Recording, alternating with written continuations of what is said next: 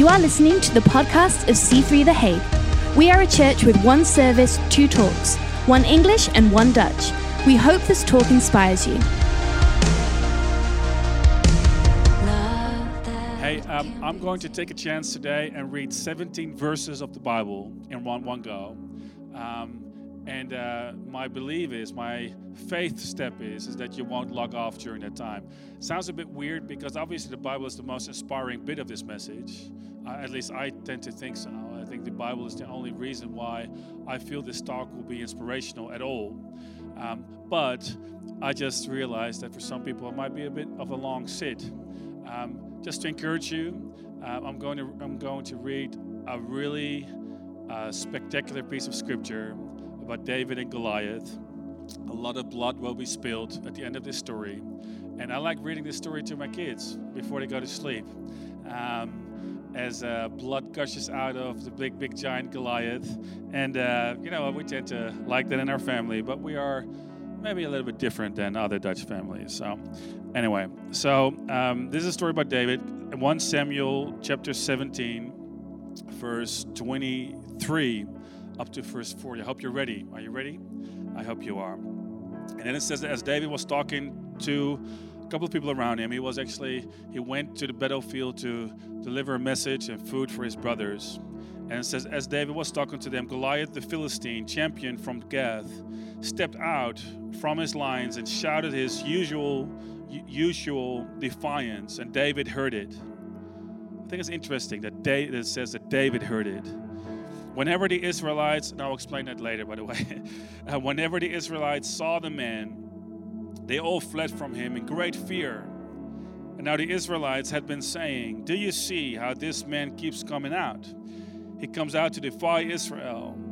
The king will, will give great wealth to the man who kills him. He will also give him his daughter in marriage. I'm going to assume that his daughter was quite pretty, otherwise, it wouldn't be a reward, but more like a punishment. maybe he was trying to get rid of his daughter. I don't know what. And, and, by the way, let me just say these are were other times. Okay, can I just can I just say that, just to just to clarify. So great wealth. The king will give him his daughter in marriage. I will exempt his family from taxes in Israel for the rest of his life. the person wouldn't have to pay taxes.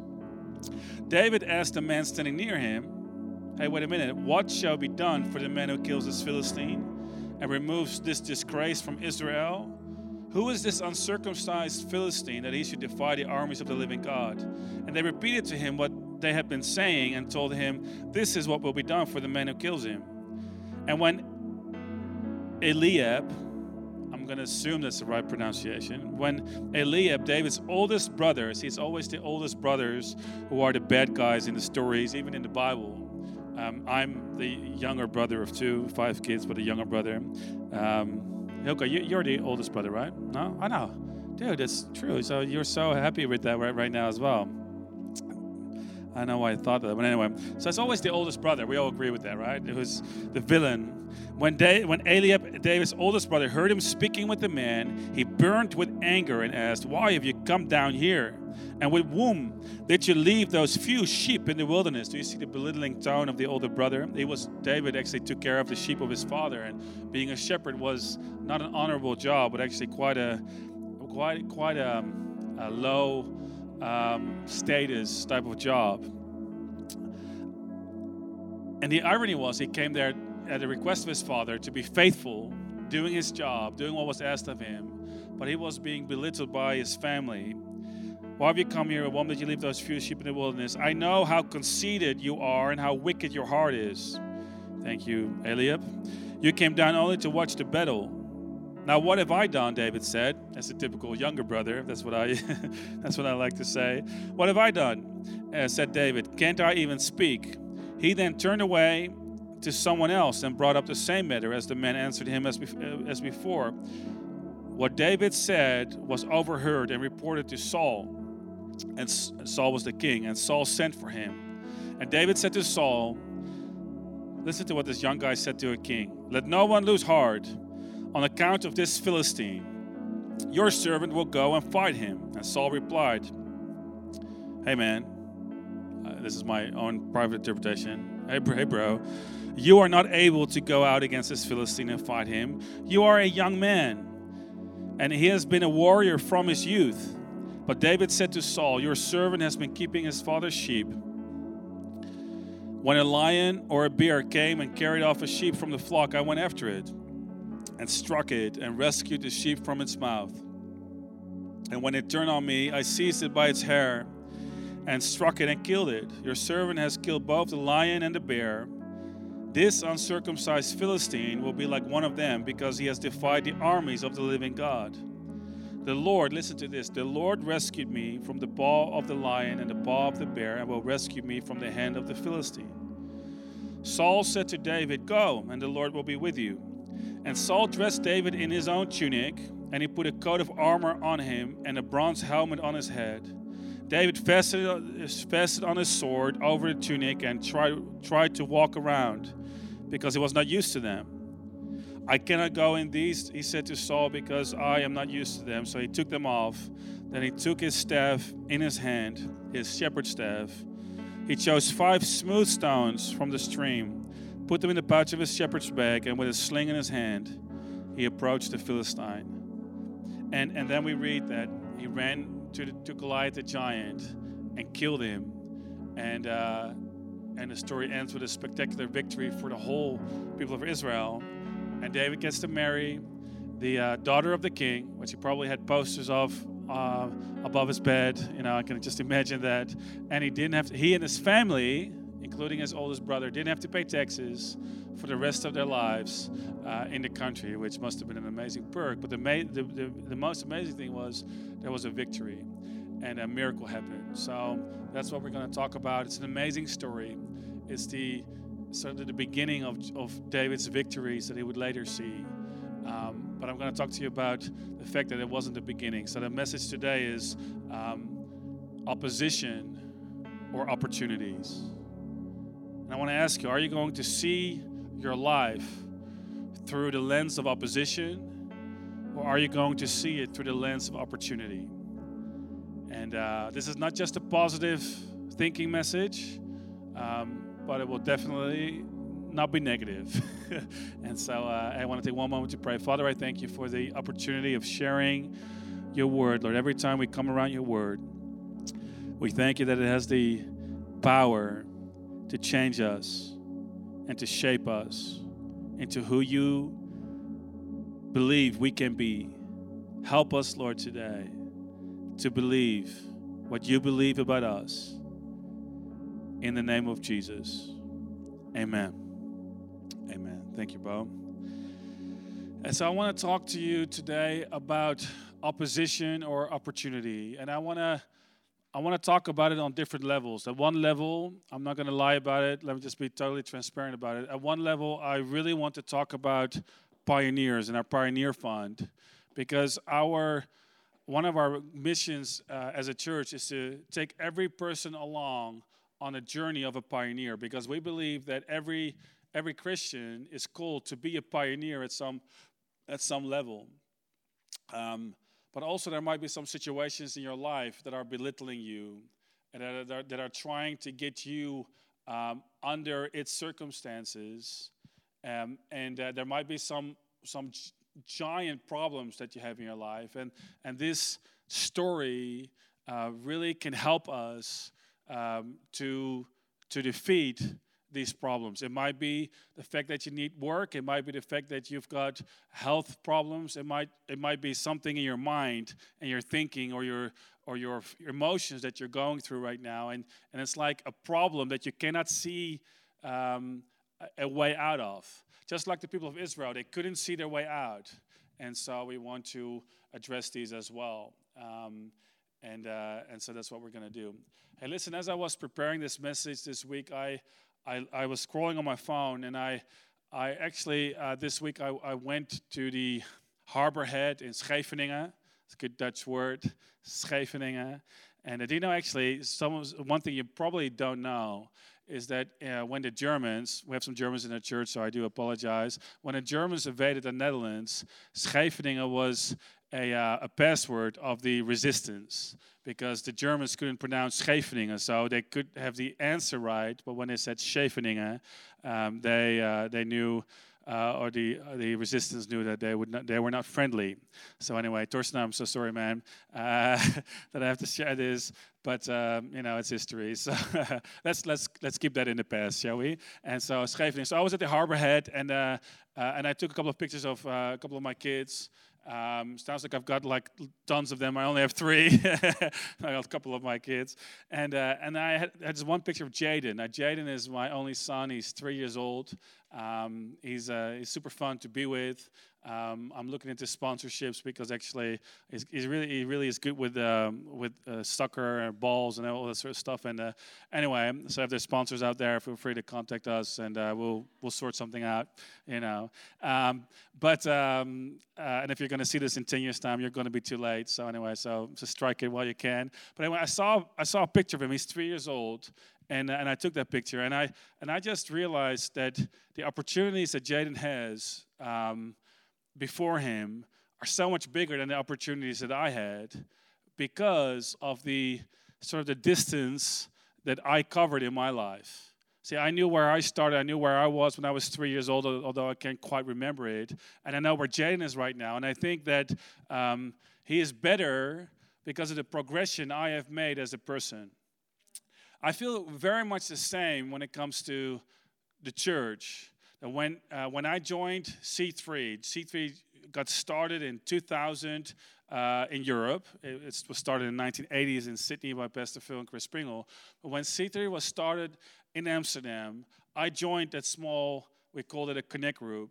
Uh, actually, we didn't call it a connect group back then, but anyway, never mind. We, jo- we joined a small group, and, um, and you know, we started investing into the church. And let me just say this not just C3, but the whole, the whole church in the past 20 years. I know I'm going to sound old right now, but in the 20 years of involvement and the 20 years of pioneering, I can just see the whole landscape of church has changed.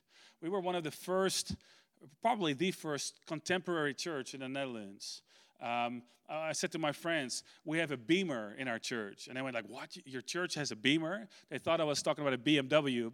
But, but you know, it was like a projection Beamer. We had a Beamer in our church. And, uh, and it was just like, that was amazing. You know, you cannot really, it's crazy to think about it right now that the Beamer was amazing. But we had like, like, like we were starting a modern contemporary church. And the church, right now there are churches popping up all over. Church planting has become popular since then. Back in those days, when I, when I said, well, I'm involved with a church plant, people had no idea what I was talking about. They thought I was talking about something agricultural, church plant, you know? And it wasn't cool either. It was, it was, it was just more, uh, hip to go to conferences and all this sort of stuff. My friends were like, What are you doing? And I joined this church plant. And let me just tell you, the church right now is looking different than what it used to because of a whole bunch of people, um, not just C3, but other churches who have pioneered the future for the church. And let me just tell you this that um, I saw a couple of stories this week. Our church, uh, C3 Church Rivers, which is uh, C3 in Arnhem and Nijmegen, we're all different churches, but we're part of one movement. Uh, they, they are going to open their own building. By the way, congratulations to all the C3 Rivers people. They're going to open their own building that they bought, um, and which is amazing at the end of this month. Uh, I, I saw uh, the building plans this week for our church building. Uh, again, another church, C3 uh, imagine it's like our church in Amsterdam, uh, Almere, and um, and it's just uh, fascinating. They're going to redo their church. I saw I saw their pictures, their drawings that they are uh, doing, and it's an amazing story because Nicola and I, when we were young adults and students, we were very much involved in giving. For us, it was it was a lot of money, but in giving into uh, the we called it Vision Builders, but the Pioneer Fund for those churches. Nicola and I were involved in, and I, I, was personally involved in the start of our church in Arnhem, and it's just amazing to see the the harvest that we're that we're uh, seeing and are going to see because buildings are not the goal, um, but to see the effectiveness that our church can get into now that we've got these buildings, and it's just incredible. Um, and and thinking about that, I'm just thinking my kids are better off because of where the church is right now. And the church is where it's at right now because families have chosen and young adults have chosen to pioneer the future of the church. And I just kind of feel in this short message that I've, I've spent like a lot of time on already, I just feel like, like as we're as we're in this pioneer season, that this this we're, we're not just pioneering for the people who are looking right now. We're not just pioneering for the people who are in our churches or even in our cities right now. We are pioneering for, the, for our children, for the next generation. And so I'm realizing that when I'm investing in a church, my son and my daughter, it's their lives that I'm investing into. Because, can I just say this? I want them to grow up in a country where the church is very much alive where they can find great dates and relationships that they will one day marry, you know, that are healthy for them and that are great for them. Well, that requires uh, the future of the church. And, and, and, I want them to be to be living a life with God. And it means I, I have to invest and we have to invest in the future of our church.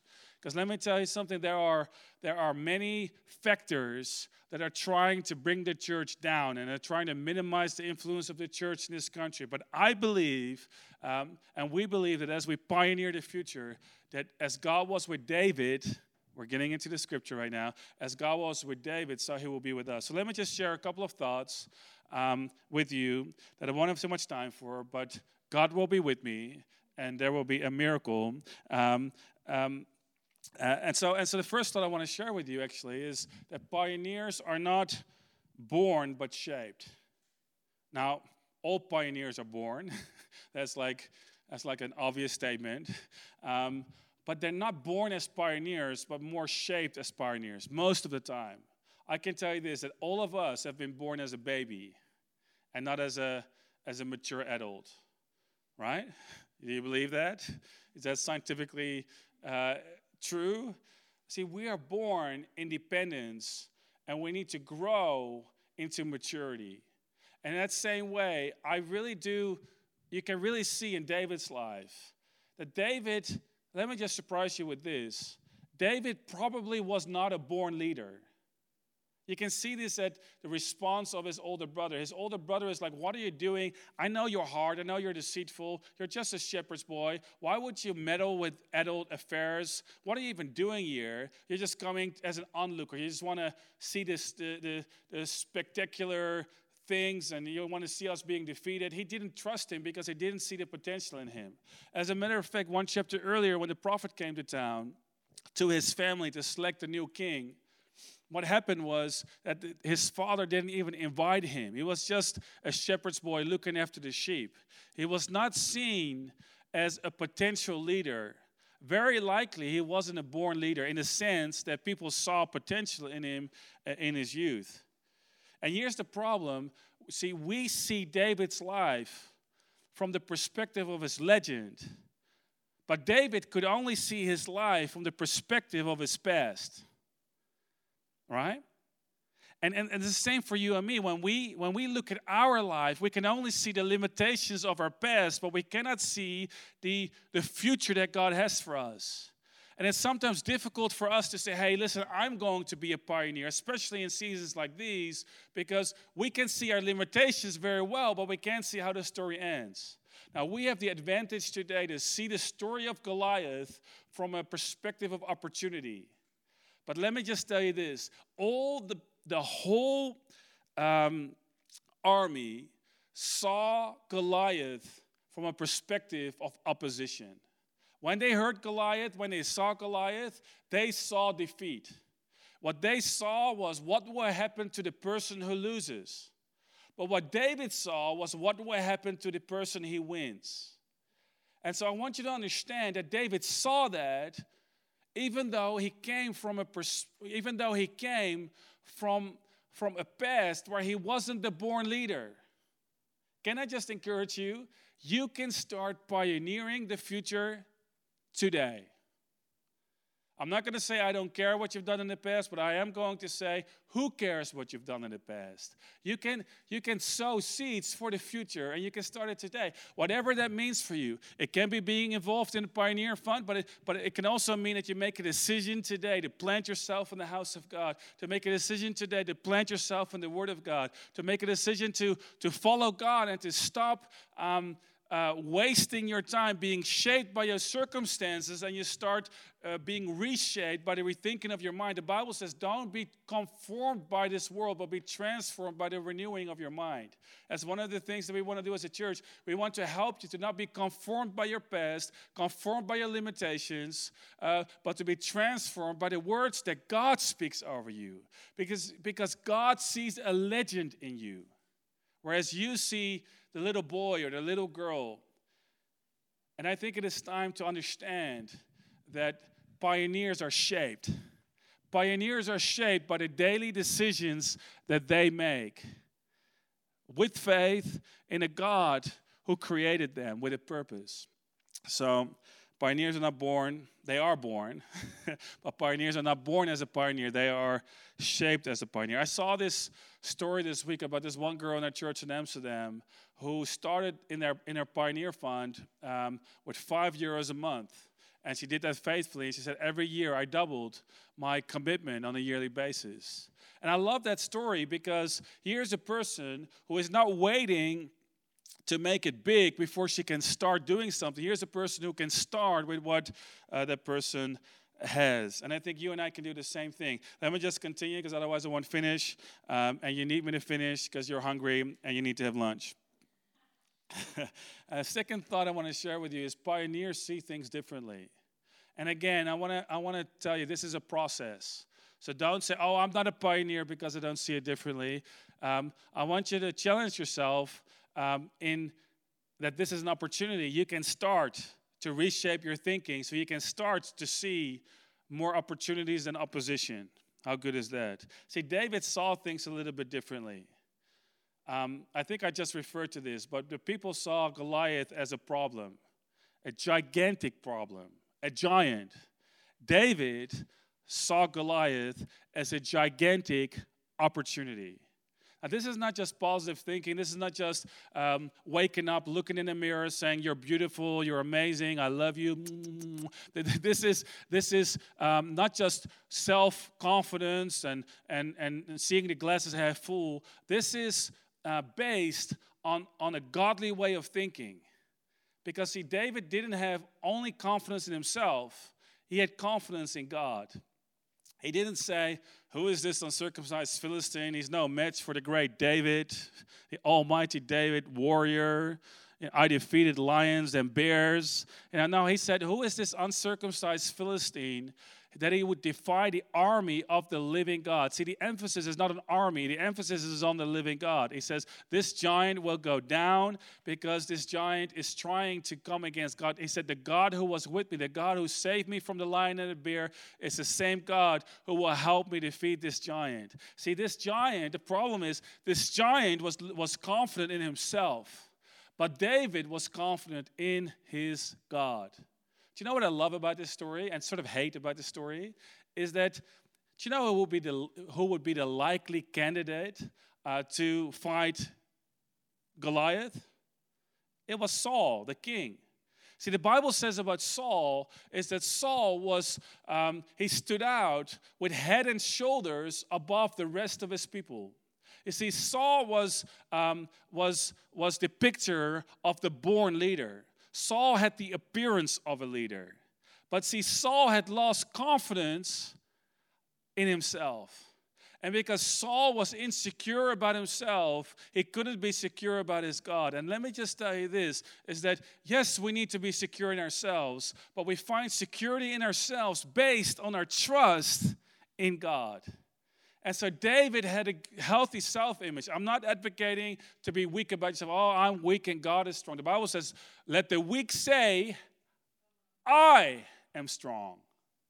Hey, hold on, what is that? I am strong when I'm weak? Yes, you are strong because your God is strong on your behalf. And so you are both strong because he is with you. You understand? So, so but so David wasn't just being an optimist, He wasn't a positive thinker, he was a man of faith because he had promises. So pioneers learn how to see things differently.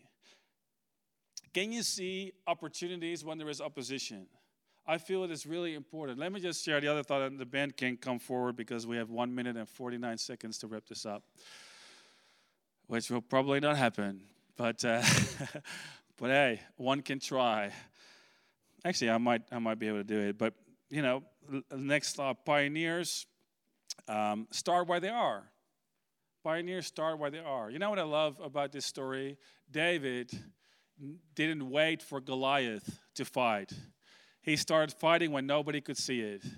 He started fighting the bears and the lions when it was just about his father's sheep. Can you imagine the victories that he like the, like the, the like can you imagine winning the fight you know of uh, fighting a lion and having nobody to to sort of talk to about it no selfies that you can do about it like a trophy selfie David, he fought the fight because that was just that was just the thing he did.